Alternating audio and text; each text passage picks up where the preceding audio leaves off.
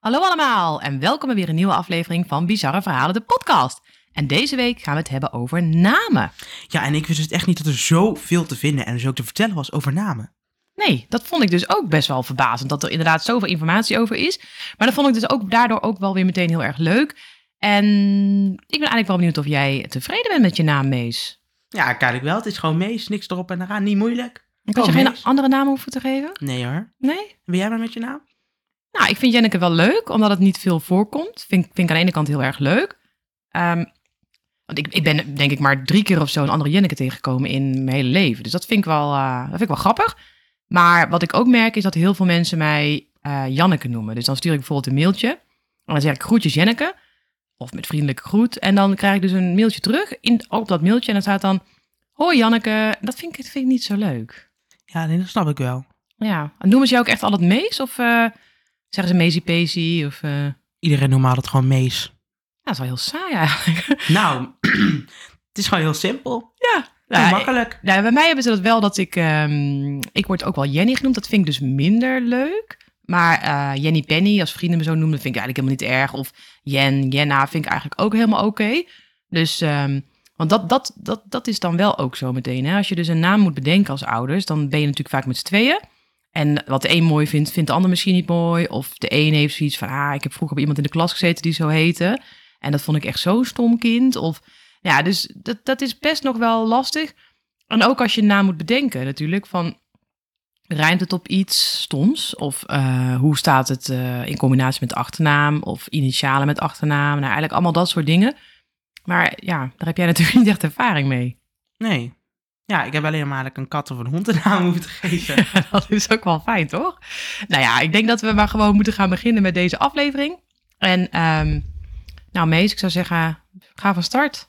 Ja, nou, eh, voordat we de aflevering beginnen, op VWG Familienamenbank kun je dus je naam opzoeken en dan kan je dus zien hoe vaak deze naam in Nederland voorkomt en ook waar in Nederland. Dat is grappig om een keertje te lezen. Eh, en ook zijn de sites openarchieven.nl en Geneanet interessant om eens te bekijken. Maar laten we eerst eens beginnen met een stukje geschiedenis. Want wat mij verbaasde is dat het dus helemaal nog niet zo lang geleden is dat de achternaam verplicht werd gesteld. Achternaam bestonden echter al wel veel langer. Rond 500 na Christus gaven ouders hun kinderen één naam. Vaak was deze naam afgeleid van de ouders. Dus bijvoorbeeld Wolf en Gang kregen een zoon en die noemden ze Wolfgang. Omdat alleen een voornaam voor de herkenning van de persoon vaak niet voldoende was, werd er dan een toevoeging aangegeven die aangaf welke Jan of Marie dan bedoeld werd. De aard van deze toevoeging varieerde van regio tot regio. In veel streken werd hier het zogenaamde patroniem toegepast. Voor diegenen die nog nooit gehoord hebben van het woord patroniem, leg ik het nog even uit. Een patroniem of vadersnaam is een naam, al dan niet officieel, die aangeeft hoe de vader van de naamdrager heet. Zo bestaat er ook een woord voor een woord metroniem en dat geeft aan hoe de moeder van de naamdrager heet. Bijvoorbeeld Jan, de zoon van Willem, werd dan Jan Willems. En Jan, de zoon van Hendrik, Jan Hendriks. Hun kinderen werden dan vaak Marie van Jan Willems en Piet van Jan Hendriks genoemd. En zo evolueerden patroniemen tot vaste familienamen. Naast het patroniem heb je nog drie categorieën hoe namen bedacht werden. Geografische namen. Deze namen duiden op de plaats of streek van herkomst aan, de boerderij waar men woonde of van de achternaam van de heer waarvoor iemand werkte. Voorbeelden hiervan kunnen zijn van Breda, van Brussel, van Velzen of van Groningen. Beroepsnamen. Deze namen duiden de naam van het beroep aan wat men uitoefende. Bekende voorbeelden hiervan zijn smid, bakker, visser en mulder. Weet je wat voor beroep dat is, Mulder? Ik heb geen idee. Dat is, dat is dus molenaar. Dat wist ik dus ook niet. Ik heb het even Molenaar? opgezocht. Ja, een molenaar. Dat is een beroep natuurlijk. Waarom, waarom, waarom doen ze dan niet gewoon alleen molenaar? Waarom Ja, ik denk dat het gewoon een verbastering is of zo. Maar het is grappig dus. Nou, Mulder. Tot slot heb je eigenschapsnamen. Zij duiden dus bepaalde lichamelijke of geestelijke kenmerken aan en ook diernamen behoren dus tot deze naamgroep. Voorbeelden zijn de lange, de groot, de kleine, de vos, de leeuw, de hond en de kat. Ja, ik las ook een stukje op de site van de Universiteit van Utrecht en dat was geschreven door Dr. Gerrit Bloothoofd. Ja, dat heb ik dus ook gezien. Maar toen dacht ik dus van... Zou een van zijn voorvaderen kaal zijn geweest? Of was hij dan zeg maar de enige man in het dorp die bijvoorbeeld geen baard had? Dat iedereen de- destijds een baard had en hij niet. Dus een Of bloot hij is gewoon als kind kaal geboren en heeft gewoon nooit haar gekregen. Ja, Dat kan ook. Dat is zo'n Baby- ziekte, dat je geen nergens haar krijgt. Dat is zo'n ziekte. Jouw baby bloothoofd. Ja. Ja, nee, dat kan inderdaad ook. In grotere plaatsen was echter ook naam plus patroniem niet voldoende om iemands identiteit uniek vast te stellen. En hierdoor kwam het idee om een familienaam te gaan gebruiken. Zo waren er bijvoorbeeld heel veel wevers in de stad. Dan wordt, het natuurlijk om te last, dan wordt het natuurlijk lastig om te weten eh, welke wever er bedoeld wordt. Ja, en daarom ontstonden er in de grootsteden, grofweg in de loop van de 17e eeuw, steeds meer familienamen. In de andere streken, zoals Groningen en Friesland, waren achternamen echter een zeldzaamheid. Daar hadden bijvoorbeeld alleen de hogere lagen van de bevolking een familienaam en soms zelfs alleen de immigranten vanuit andere streken met familienamen. Om eenheid in de systemen te krijgen, werd er in de Franse tijd, tussen 1799 en 1815, besloten dat iedereen die nog geen achternaam had, er een moest kiezen. En dat achternamen altijd van vader op kind zouden overgaan. Tot 1811 waren het de kerken die aantekeningen maakten van geboorte, huwelijken en overlijden. Maar in 1811 veranderde dit definitief door de invoering van het burgerlijk wetboek. Gedurende de periode 1811 tot 1812 kon men bij de gemeente officieel een familienaam bevestigen of aannemen. Maar in de praktijk werd dat helemaal niet zo heel veel gedaan. Veel mensen die al generaties lang dezelfde familienaam hadden, die vonden dit eigenlijk niet zo noodzakelijk. Nou, en als je kijkt naar nu, dan komen er ongeveer uh, op dit moment 200.000 verschillende achternamen voor in Nederland. En ter vergelijking, in Zuid-Korea, waar bijna 52 miljoen mensen wonen, zijn er maar 300 verschillende achternamen. De helft van de bevolking heet Kim, Lee of Park. Ja, dus best een gekke idee. Als je dus in een klas met 30 kinderen zit, dus ongeveer 15 kinderen, uh, één van deze drie namen heeft. Dus zit je met gemiddeld vijf kinderen met dezelfde achternaam in de klas. Ja, en wat, dat, dat, dat lijkt me dus ook heel apart. Maar ik vroeg me dus wel af of jij weet wat de meest voorkomende achternaam dan in Nederland is. Oh, dat vind ik al moeilijk. Uh, ik, ik hoor wel vaak de bakker of zo. Dat heb, die heb ik al vaak gehoord wel. De bakker? Ja. Oké. Nou, veel mensen denken dat Jansen het meest voorkomt, maar dat klopt niet. De achternaam die het vaakst voorkomt is de Jong. Meer dan 55.000 mensen hebben deze achternaam. Daarna volgt De Vries met bijna 50.000 keer. En pas op de derde plaats met bijna evenveel naamdragers staat Jansen. Oh ja, dat had, ik, dat had ik echt niet verwacht. Nee, grappig hè? De achternaam staat vast en kan dus in principe niet gewijzigd worden. Er zijn uitzonderingen, bijvoorbeeld bij een bespottelijke achternaam of wanneer je psychische problemen ondervindt van je achternaam. Dat je poepjes heet of zo. ja. Nou, daar, daar, heb je natuurlijk niet echt uh, psychische problemen van, denk ik. ik denk als je ermee gepest wordt, wel. Hm. Ja, nou ja. Je dient dan uh, uh, schriftelijk verzoek, in, verzoek in bij de koningin. En dan is de uitvoering dus in handen van het ministerie van Justitie. De hele procedure duurt erg lang en is ook erg kostbaar. Zo las ik dat het ruim 800 euro kost en dat het hele proces ongeveer 9 maanden duurt. Dat vond ik dus nog best wel lang. Dan kan je gewoon een kind gemaakt hebben. Ja, ja dat moet je eigenlijk niet doen. Want als je dan naam wil veranderen, dan krijg je een kind heet ook nog zo, toch? Ja, ik was zelf dus ook al benieuwd hoe vaak dit dus aangevraagd wordt. En uh, je kunt uh, zelf per, kwartaal kun je dus het aantal verzoeken zien. En dit zijn er ongeveer 800 gemiddeld. En er worden steeds zo'n ongeveer 35 verzoeken afgewezen per kwartaal dus. Dus dat betekent dat ongeveer 3000 mensen per, per jaar hun naam willen veranderen. Ja. Nou, dat vind ik nog best veel.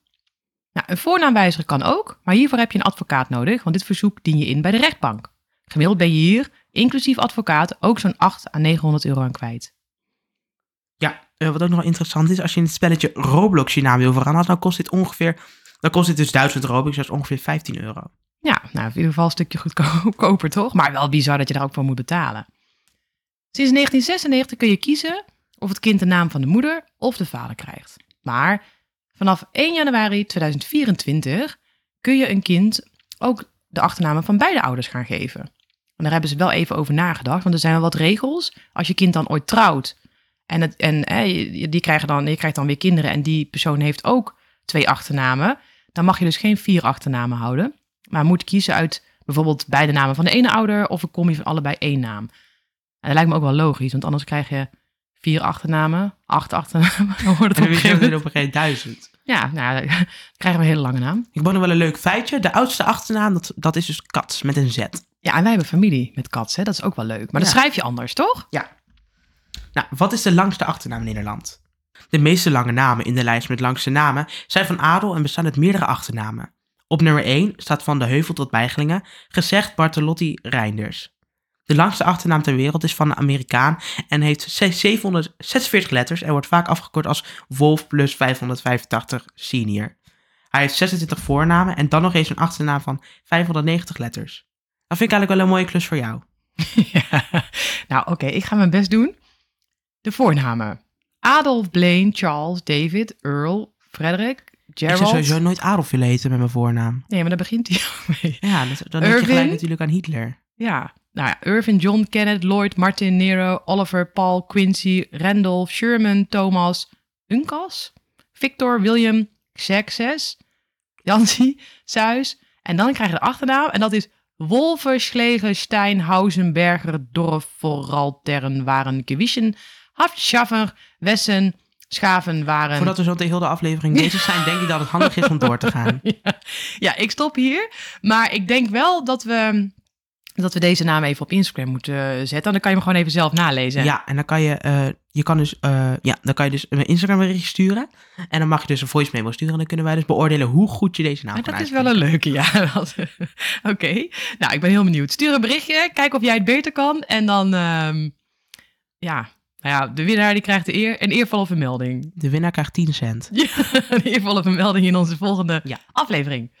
Nou, dan is er naast de langste achternaam natuurlijk ook nog een kortste achternaam. En dat zijn er eigenlijk meerdere. Want volgens het CBG, het Centrum voor Familiegeschiedenis, kwamen er in Nederland in 2007 vijf achternamen van maar één letter voor. En dat zijn de I, de O, de U, de X en de I. En ze hebben allemaal minder dan vijf naamdragers. Dus eigenlijk wel best wel heel zeldzaam, hè? Nou, naamdragers van een korte achternaam ondervinden soms ook wel last, omdat mensen die vaak als initiaal en soms als nep beschouwen. Zo heeft Facebook in 2012 enkele accounts met korte achternamen geblokkeerd, omdat ze dachten dat de achternaam een schuilnaam zou zijn. Nou, dan gaan we nu van de achternamen naar de voornamen. Ja, en voornamen vind ik dat gaat echt altijd wel heel erg met de mode mee, hè? Ja, Want ik bedoel, als ik kijk, bij mij in de klas zaten vroeger echt kinderen, die namen hoor je echt nooit meer. Je bedoel, je hoort nooit meer een baby Natasha, of toch? Patrick, Ronald, eh, Monique. En ik las trouwens, Monique, dat bijna 1 op de 40 vrouwen in 1966, die, heet, die hebben ze Monique genoemd. Dus dat betekent dat, dat er heel bij- veel. Ja, bijna 3000 en alleen in dat, dat jaar al. Wow. Ja, heel populair dus. En ik zag dus ook, ik vind het altijd heel grappig om in te duiken, dat ze een, eh, je hebt natuurlijk altijd van die lijstjes met de meest populaire namen van dat specifieke jaar. En, en dan heb je een top 20 van 1996 tot 2003 las ik dus dat bij de jongens Thomas of Tim bovenaan stond. En dat wisselde elkaar eigenlijk een beetje af. En bij de meisjes Laura en Sanne. En toen dacht ik, ja, dat is toch wel een periode van eh 7, 8 jaar. Dus zo'n modetrend van namen gaat toch nog best wel lang mee. Het is Ja. niet elk jaar een compleet andere top 10 of Nee. 20. Ja, bij mij in de klas zie ik dat het uiteindelijk mee, steeds kortere namen worden. Dus gewoon drie of vier letters. Ja, en twee is ook een trend, zag ik. Niemand uit mijn klas heeft twee letters hoor. Nee, ja, het- nou, die zijn nog te jong. Die zijn allemaal nu natuurlijk allemaal net geboren en één en twee, Ja. dus het komt nog. Nou, dat had ik ook toen ik jouw naam bedacht. Toen heb ik ook wel gecheckt van eh, waar staat die? En toen stond je op plek 48 of zo. Dat, was, dat klinkt nog best hoog, maar daaromheen stonden allemaal namen die ik eigenlijk nooit hoorde. Maar het jaar daarna, dat jij, na, ja, het jaar nadat jij geboren werd, eh, was, kwam de naam ineens heel veel voor. Dus het, zegt ook niet altijd alles. Het is echt eh, afhankelijk van de trend. Je weet het dus gewoon nooit eigenlijk. Nou, wat zijn de regels als je een kind krijgt met betrekking tot de naam? Wanneer het kind geboren is, moet je binnen drie dagen je, je kind aangeven bij de gemeente. Als je het niet op tijd doet, kun je dus een boete krijgen van 335 euro. Wat mag wel en wat mag niet als je je naam geeft aan je kind? De naam mag niet ongepast zijn en de ambtenaar van de burgerlijke stand kan een voornaam weigeren. Wanneer is een naam ongepast? Nou, het gaat dan vooral eigenlijk om bespottelijke namen, scheldwoorden, een naam die bestaat uit heel veel namen. Nou, vraag ik me nog af, want er zijn dus eh, ja, best wat namen gewoon goedgekeurd die uit heel veel namen bestonden. Ja, die wolven. dat is blijkbaar niet in Nederland dan. Nee. hebben ze andere regels. ik denk dat die hier niet goedgekeurd zou worden. hoor. Nee. Ongepast is ook een naam die dus ook een bestaande achternaam is, tenzij dat dus ook een bestaande voornaam is, bijvoorbeeld Roos. Als de ambtenaar de naam weigert, mag je een nieuwe naam bedenken, maar dat doe je dat niet, dan geeft de ambtenaar uw kind de voornaam. Ja, en toen dacht ik dus, toen ik dat las, dacht ik, hebben zij dan een lijstje of zo? Dus dat ze een soort van databank hebben. Want hoe, ik bedoel, als zij een naam mogen bedenken, mag hij gewoon eh, kiezen van ehm, dat hij zelf een naam bedenkt van Ria of Wim. Dat je kind gewoon heeft alsnog een, eh, een Ik denk Oh. dat ze gewoon een beetje, ik denk dat ze gewoon random, dat ze gewoon zo'n software hebben en dat die gewoon random gaat selecteren of zo. Ja, want je ziet ook best wel per regio andere namen die populair zijn. Hè? Dus je ziet Ik denk, dat gewoon, ik denk dat dat gewoon elke regio hetzelfde is. Ja, ik ik dat de dat dus- overheid gewoon één lijst heeft. Maar zou je dat dan- niet willen weten? Ik zou dat nu willen weten. Ik zou eigenlijk best wel even de burgerlijke stand willen vragen. Als Van, iemand van de burgerlijke stand dit hoort, nou laat ze dat vooral even weten via Instagram. ja, stuur ons even een berichtje. Want ik ben nu toch wel heel nieuwsgierig van waar halen ze zo'n naam vandaan? Of gaat het dan gewoon zo van, eh hey, eh, jongens, eh, nou, het wordt gewoon Piet of Jan. Of, of pakken ze de populairste naam misschien wel. Nou, interessant. Ja, nou, als je het dus niet eens bent met de naam die de ambtenaar dus heeft gegeven aan je kind, dan kun je dus binnen zes weken de rechtbank vragen de voornaam te veranderen. En dan heb je dus wel een advocaat nodig om dit te regelen.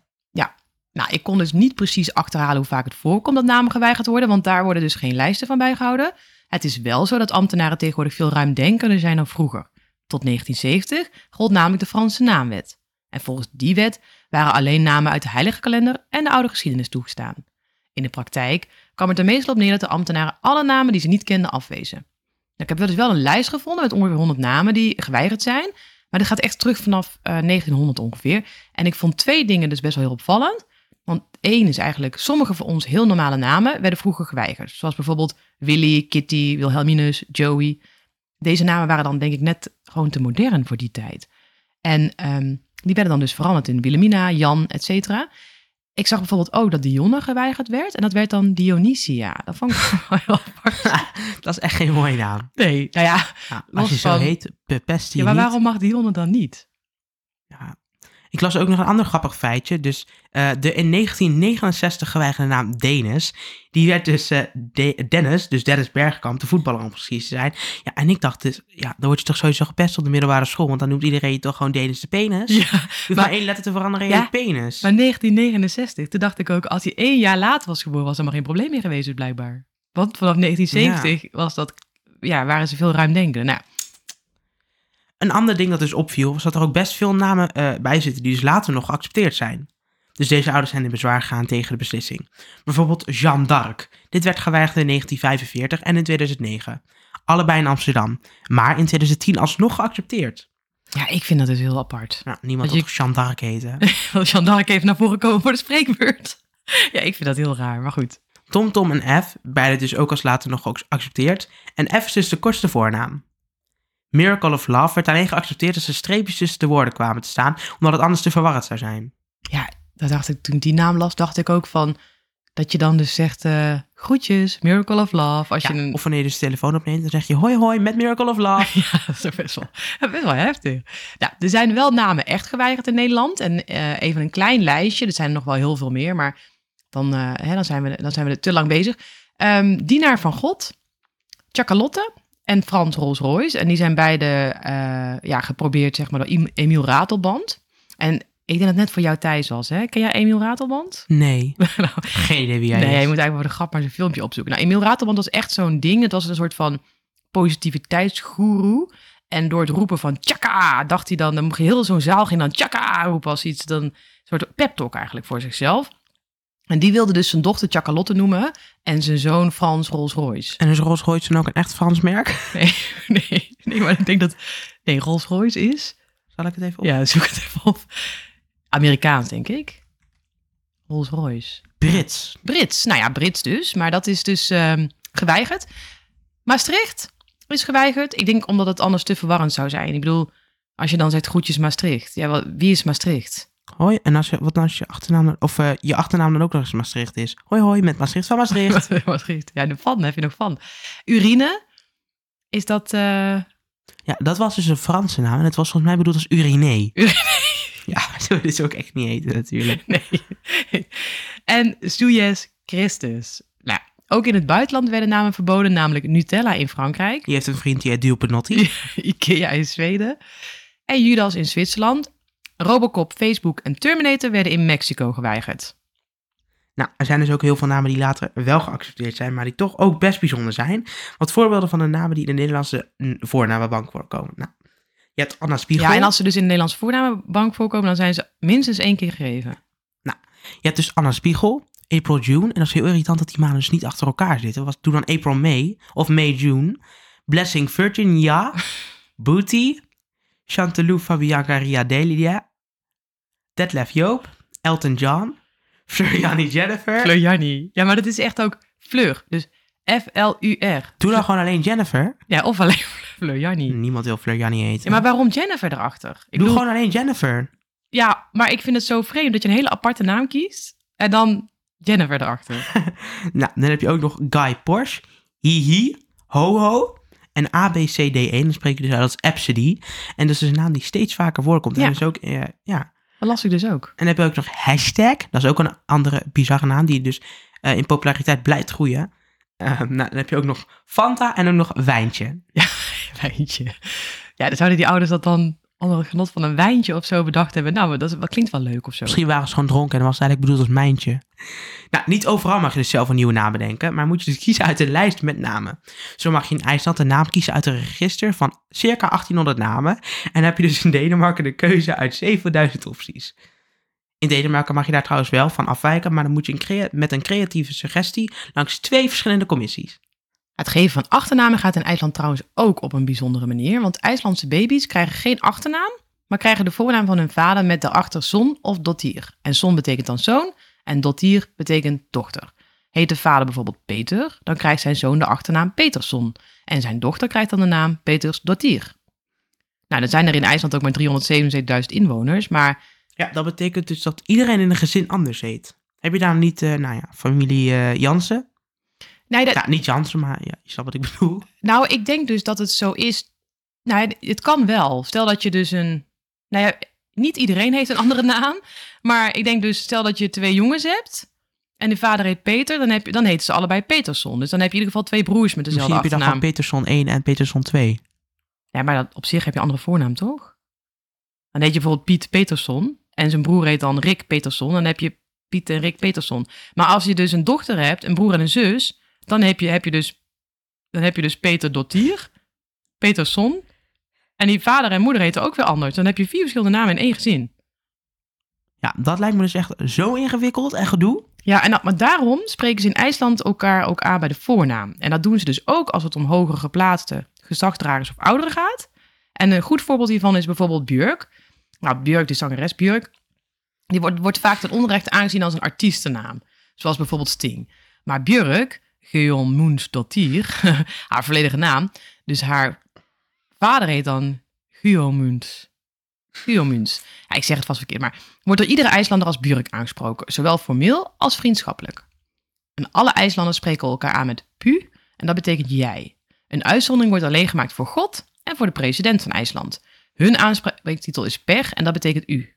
Nou, en ook lijsten zoals eh, bijvoorbeeld, eh, lijsten met namen zoals bijvoorbeeld het telefoonboek, ehm, als dat daar nog bestaat, die zijn in IJsland ook op voornamen gerangschikt. Ja, dat is dan wel apart, hè, dat daar dus alles gewoon op voornaam is. Ja, De langste voornaam is trouwens van een vrouw uit Texas. En dat is dan Ros Handiatelli Nunsje Vennekewenk. Neshion Peschenk. Lijkt erop. En dan Koyan Kwatsiuti. En achternaam is Williams. Ja, gewoon lekker Williams. Ja, waarom hè? Waarom zoveel namen? Deze naam staat dan ook in het Guinness Book of Records. En nou, wat zijn dan vandaag de dag de populairste namen? Dat is ook wel even leuk om te weten. Wereldwijd is de meest voorkomende naam Mohammed, met meer dan 15 miljoen mensen die zo heten. En in Nederland waren er in 2022 Emma en Noah. En Noah stond dan op, in 2021 op de eerste plek. Nou, en toen was ik natuurlijk wel benieuwd van, he- hebben namen ook nog invloed hoe mensen naar je kijken? En het blijkt dat mensen toch snel op basis van alleen een naam een mening over je vormen. Nou, grappig iets. Ik las op ergens op een site de vraag, een vrouw met een kort pittig kapsel. En dan moet je kiezen, Marieke of Karin. Wat zou jij kiezen? Ja, ik zou dus echt Karin kiezen. Ja, dat kom ik dus ook. Maar het grappige is dus dat 87% dat heeft gedaan. En dan is natuurlijk de vraag eh, van heb je dat altijd? En ik, ik heb dat dus wel altijd. Want ik, als, ik, als ik dus een naam hoor en ik ken die persoon niet, dan meteen mijn beeld bij. Ja, dat heb ik eigenlijk ook altijd. Ja? Ja. Ja, maar dat- en klopt dat dan ook vaak, of niet? Nou, soms klopt het ook niet hoor, maar Nee. meestal wel. Ja, raar is dat dus, hè? Nou, er is best wel veel onderzoek gedaan naar de invloed van je naam. En zo blijkt bijvoorbeeld dat wanneer je een naam hebt die makkelijker uit te spreken is, dat mensen je dan positiever zien dan vergeleken met mensen die een moeilijk uit te spreken naam hebben. Advocaten met makkelijk uitspreekbare achternamen hadden ook hogere posities. Dit stond trouwens los van etnische achtergrond. Andere onderzoeken laten zien dat er ook echt nadelen zitten aan het hebben van een aparte voornaam. Nu zijn er best wat creatieve ouders, hebben we natuurlijk gezien. Maar het schijnt wel echt van invloed te zijn op hoe mensen je zien. Ehm, En die invloed is eigenlijk helemaal niet zo positief. Namelijk, nummer 1. Anderen vinden je naam niet mooi. Excentrieke namen worden als minder mooi en aantrekkelijk beoordeeld. Dat komt dan waarschijnlijk omdat de dingen die we niet kennen automatisch minder mooi vinden. Dus ook een aparte naam. Nou, mensen vinden je minder leuk. Mensen met een aparte naam worden als minder succesvol, gezond, warm en vrolijk beoordeeld dan mensen met een gewone naam. Dat geldt niet alleen voor apart, maar ook als je een doorsneenaam hebt die anders gespeld is. Zoals Angelique, en dat spel dan als A-N-S-J-E-L-I-E-K. Of Pepijn, als P-E-P-E-I-N. Nou, mensen denken bij dit soort namen dat deze mensen dus minder leuk zijn. Minder vriendelijk, grappig, warm en, minder, en ook minder zorgzaam. Maar ook, dat vond ik ook bijzonder, minder avontuurlijk. Ja, dat, dat heb ik dan dus helemaal niet. Als ik soms, als ik denk ik, ja, ik zit even te denken, als ik aparte namen hoor, dan denk ik vaak juist wel die persoon heel Ik denk gelijk aan de vrije school. Ja, Ja. of nou, nou wat ik bij zo'n Angelique, als je dat met SJ en SJEL, I-E-K, dan denk ik dus dat, dat zo'n vader een foutje heeft gemaakt. Dat hij gewoon, dat hebben gezegd, oké, we gaan het kind zo noemen. En dat hij dan zo'n briefje heeft ingevuld bij die balie en dat hij dan gewoon verkeerd neerheet. Dat denk, dat denk ik altijd, maar dat is dus niet. Mensen doen het wel ook bewust, blijkbaar. Hoewel ik ooit wel eens een keer in mijn werk, dan werkte ik als eh intercedent en dan kwam er iemand bij mij en die zei toen wel, ja, dat heeft mijn vader gedaan. En die heette volgens mij ook echt Angelique. Maar niet zo, net iets anders wel weer dan hier hoor. Maar wel volgens mij Angelique. En dan niet met QUE, maar dan gewoon met IEK. Dus wel met A-N-G-E-L en dan IEK. Dus dat was eigenlijk nog, zeg maar, dat was echt een, echt een schrijffoutje. Maar ik heb dus wel vaak, als ik dus een hele aparte naam hoor, dat ik wel denk, oh, daar zal wel een heel creatief persoon bij horen. We gaan nog even verder de nadelen. Ehm, drie, het is ook niet goed voor je carrière. Dus als je namens een echte tongbreker is, dan kan het dus invloed hebben op je carrière. In elk geval als je de politiek in wilt. Ze hebben hier dus onderzoek naar gedaan en er waren dus steeds twee verkiezingskandidaten met hetzelfde profiel. De een met een gemakkelijke en de ander met een moeilijke naam. De kandidaten met een makkelijke naam werden dus als meer geschikt beoordeeld, terwijl ze hetzelfde profiel hadden. Tot slot maakt de klank van je naam ook nog uit. Iemand met een zachte, zachte en vloeiende naam, zoals Emma of Noël, zien we bijvoorbeeld als vriendelijk, nauwkeurig en emotioneel. Terwijl mensen met een hardere, minder vloeiende naam zien, zoals Kiki of Erik, eerder zien als extravert. Ja, ik heb met die klank dus wel rekening gehouden met na- het naamgeven van mijn hond. Waarom met je hond? Ik dacht dus, ik zag mezelf dus buiten op straat lopen en dan die hond roepen. En toen dacht ik, nou stel dat je je, na, je hond, nou noem eens iets, Donald. zo noem je hond niet, maar dat je zo roept, Donald, kom je? Ja, dat klinkt niet, toch? Klinkt wel vrolijk. Ja, het klinkt wel heel vrolijk, maar dan denkt die hond ook, ja, ik loop nog lekker verder. Dus ik wilde een beetje een naam die kort is en die gewoon, bam, makkelijk uit te spreken is. Bam! Ja, toch? Ja. Ja, dus nou ja, dat is wel iets wat grappig is. Onze hond heet dus Buk en dan is het Buk. Meteen komt hij, maar het klinkt nog wel vriendelijk, toch? Ja. Ja, oké. Dan gaan we nu nog even verder met bijnamen en koosnamen. Want naast een voor- en achternaam geven we dus ook vaak bijnamen. En geef jij je vrienden eigenlijk snel een bijnaam? Nee, ik noem ze eigenlijk gewoon alleen bij hun naam. Echt? Ja. Wat saai. Nou ja, anders is het zo moeilijk. Moet ik bijnaam gaan bedenken en zo?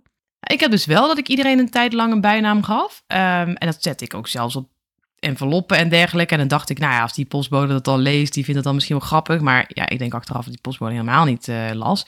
Maar wel leuk om iemand een bijnaam te geven, toch? Ja, op zich wel. Maar wat ik dus zag, is dat er dus echt ontzettend veel lijsten met bijnamen te vinden. Dus om eh, inspiratie op te doen. Dus wanneer je dus een bijnaam zoekt voor je vriend of een partner, google even. Ja, dat vond ik dus heel raar, dat er zoveel lijsten op internet staan. En dat je zelfs apps kunt downloaden, bijvoorbeeld Nickname Finder. Maar ja, Nou, op zich wel goed voor mij, want ik weet nooit bijnamen voor iedereen. nee, maar zo'n bijnaam die verzin je toch omdat die bij je past? Of omdat die op je naam, ehm, weet je wel, rijmt of zo? Ja, nou, ik, ik zou mezelf denk ik ook echt niet zien zoeken in zo'n lijst hoor. Nee, maar dan ga je dus zoeken, dan download je zo'n app. En dan denk ik, nou, even een naam en dan krijg je gewoon... Dan denkt die andere persoon toch ook van, hoe, kom je, hoe kom je aan deze naam, toch? Ik vind dat heel vreemd. Zeg je nickname finder gevonden? Ja, dat zou bij mij niet in mijn hoofd opkomen. Nee, bij mij ook niet. Bijnamen kunnen zowel positief als negatief zijn. En zo heeft iedereen wel bijnamen bedacht voor leraren. Die zijn meestal wat minder positief. Maar ook bijvoorbeeld voor de politie, voor spullen, een biertje, een auto. Er zijn heel reclames geweest met bieren, bijnamen en dergelijke. Dus, ehm, nou ja, niet alleen voor mensen dus. Nou, nou je over politie begint, dan denk je dus gelijk aan een grappig artikeltje over iets wat ja, niet helemaal een bijnaam is. Maar er was dus een man die een boete kreeg voor fout parkeren. En hij noemde de parkeerwachter mierenneuker. Nou, de parkeerwachter haalde hier voor de politie erbij en de man kreeg een boete van 220 euro. Maar deze man liet dit bij de rechter voorkomen en kreeg gelijk. De uitleg vond ik al helemaal bijzonder. De rechter oordeelde aan de hand van de dalen, dus dat het woord dus geen belediging is. Vandalen, ja.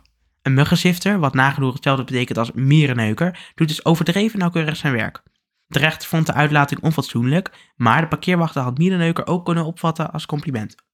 Nou, dat vind ik wel grappig. Dan denk ik dus van, ja, dan kun je voortaan dus gewoon iedereen uitschelden van mierenneuker en dan geef je eigenlijk een soort compliment. Ja. Nou, ik ben ook wat grappige bijnamen tegengekomen van bepaalde artiesten. Miley Cyrus werd als baby Destiny Hope genoemd, maar uiteindelijk kreeg ze de bijnaam Smiley, omdat ze de hele tijd lachte. Wat uiteindelijk groeide to- uitgroeide tot Miley. De zangeres veranderde haar naam officieel in Miley Cyrus in 2008. Nou, dan heb je nog eh, Ryan Gosling. En de vrienden van hem noemen hem Mouseboy, omdat hij vroeger als mouseketeer bij de Mickey Mouse Club zat. De Mickey Mouse Club was een heel populair programma met een publiek ook, dus een live publiek. En eh, tieners, de mouseketeers dus, speelden toneel, zongen liedjes en interviewden andere bekende mensen. Er zaten heel veel tieners bij de Mickey Mouse Club die later bekend zijn geworden. Zoals bijvoorbeeld Britney Spears, Beyoncé, Justin Timberlake, etc. Nou ja, en Mouseboy Ryan Gosling. Cardi B, die heette eigenlijk Belkales Almanzar, wat door haar familie werd afgekort tot Bacardi toen ze kind was. En dat bleef eigenlijk heel haar leven haar bijnaam. Maar toen ze een Instagram-account wilde aanmaken, werd het account steeds verwijderd. Vermoedelijk door, in- hè, door invloed van Bacardi zelf. En toen heeft ze dus ingekort tot Cardi B. Ja, dat is wel een grappig verhaal. Nou, dan hebben we natuurlijk ook nog bijnamen in de liefde. Koosnaampjes. En het blijkt dus dat 87% wereldwijd een koosnaampje heeft voor zijn of haar partner. Nou, ik dacht eigenlijk dat iedereen het had. Ja, ik dacht eigenlijk ook wel, maar in Nederland is het zelfs maar 74%. 74, dus, dus er, zijn, er is gewoon een kwart van de mensen die noemt dus hun partner nooit liefje, schatje. eh, dat Ja, vind ik best wel veel. niet. Basic. Oké, nuchtere Nederlanders dus. Uit onderzoek blijft, dat, blijkt dus dat 90% van de mensen die eenvoudige bijnamen gebruiken, zoals schat, liefje of schoonheid, tevreden zijn over een relatie. Dus alleen bij eenvoudige bijnamen. Ja. Dus als je een hele ingewikkelde bijnaam hebt, gaat het Ben je niet tevreden? Nee. Oké, Nou, bij stellen die dus geen koosnamen gebruiken, ligt het percentage op 56%. zo. Dus eigenlijk moet een bijnaam...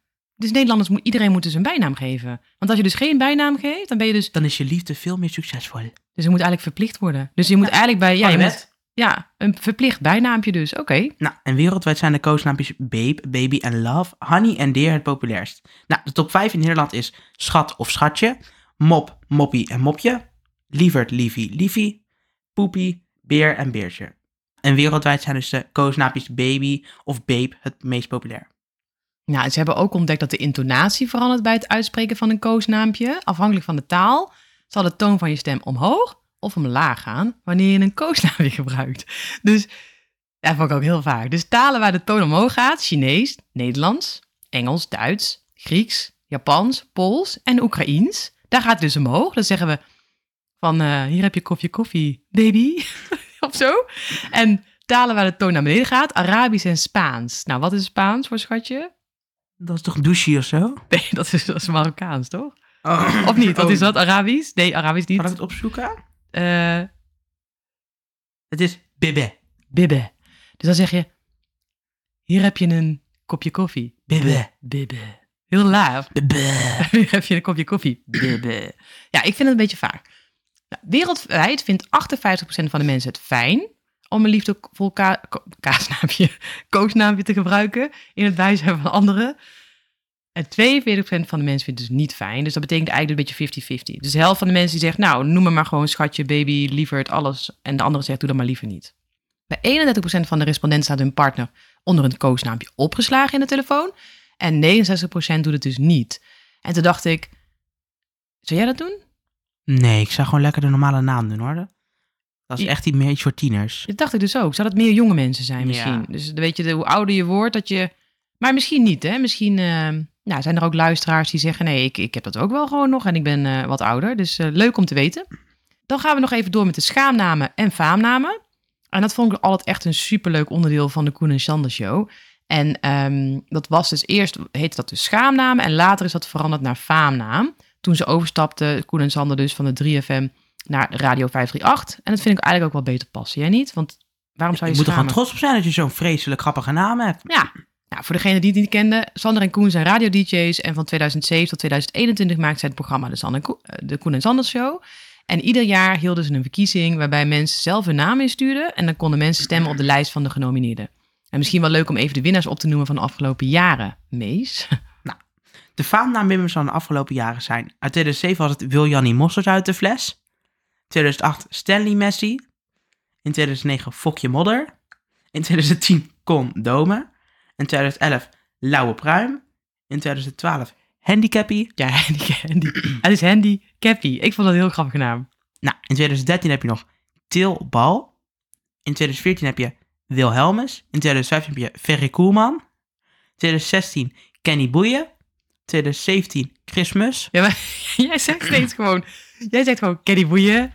Maar het is is Kenny Boeien. En het is Chris Mus. Want alles net alsof het één naam is, toch? Oh ja. Christmas. Nou, Christmas 2018 Jansen. was het Jackpot. Jack, In want 2019 was het matras. Mat, Ras. ja, maar lijkt erop. En dan heb je in 2020 met de bus. En in 2021 zonnestraal met een S. Nou, er was dus ook een meneer die Bassie Adriaan heette. En hij leefde dus al voordat Bassie en Adriaan populair werden. Er was ook een mevrouw en die heette dus Mien Billekes Jeuken. Maar zij was al overleden voor de verkiezingen. En ik Als denk... dat is hem denk ik sowieso wel gewonnen hoor. Ja, dat denk ik dus ook. Maar het was dus Mien. Het was eigenlijk dus Mien Jeuken. En dan is ze getrouwd met iemand die Billekes heette. Bert Billekes of zo. Dus dan krijg je Mien Billekes Jeuken. Nou, en dan heb je ook nog iemand die heette Kenneth Wilhelmus. En eh, we hebben het even gevraagd, maar hij kent het Wilhelmus dus niet. Nee, dat hebben ze aan hem gevraagd. Jij hebt het, Ja, niet gevraagd. Jij hebt het niet gevraagd, toch? Jawel. Maar het is wel aan hem gevraagd. Hij, dan is het echt wel jammer dat die Koen en Shannon show niet meer bestaat, vind ik. Maar misschien is het wel in ieder geval voor nu leuk om te eindigen met de moeilijkste naam ter wereld. Mees, aan jou de eer. Nou, daar gaan we dan hoor. De moeilijkste naam is van een man uit Afrika. En hij heet... Uweveve Onjereve Ugebumbum Osas. Maar is, wat zit jij nou voor accent te doen? Uh, uh, uh, uh. Het is gewoon... eh, Wat is er geen Afrikaans accent of zo? Jawel, vind ik wel hoor. Ja? Nou. Nou, goed. Ik zou zeggen, ook deze naam zetten we even op het Instagram-account. Dan kun je die gewoon nog even rustig nalezen. En dan kan je dus ook daar weer een voice memo sturen. En dan kunnen wij dus ook weer dat beoordelen. Ja, dat vind ik inderdaad wel een heel goed idee. Nou, dan zijn we weer aangekomen aan het einde van deze aflevering. Ik vond het echt een ontzettend leuk onderwerp. Ja, ik ook. Wil je nog op de hoogte blijven van de nieuwe afleveringen en wil je het beeldmateriaal zien dat we plaatsen na iedere aflevering, volg ons dan ook zeker ook even op Instagram en geef ons de show dan ook even een duimpje omhoog. Dat waarderen we echt heel erg. Nou, dan heb je leuke ideeën voor onze podcast. Stuur ze naar ons toe. En wie weet maken we daar ook een aflevering van. Tot volgende keer. Tot de volgende keer! Luister je graag naar deze podcast? Laat de maker weten dat je waardeert wat hij of zij doet en geef een digitale fooi. Dat kan zonder abonnement, snel en simpel via fooiepot.com. Fooiepot met een d.com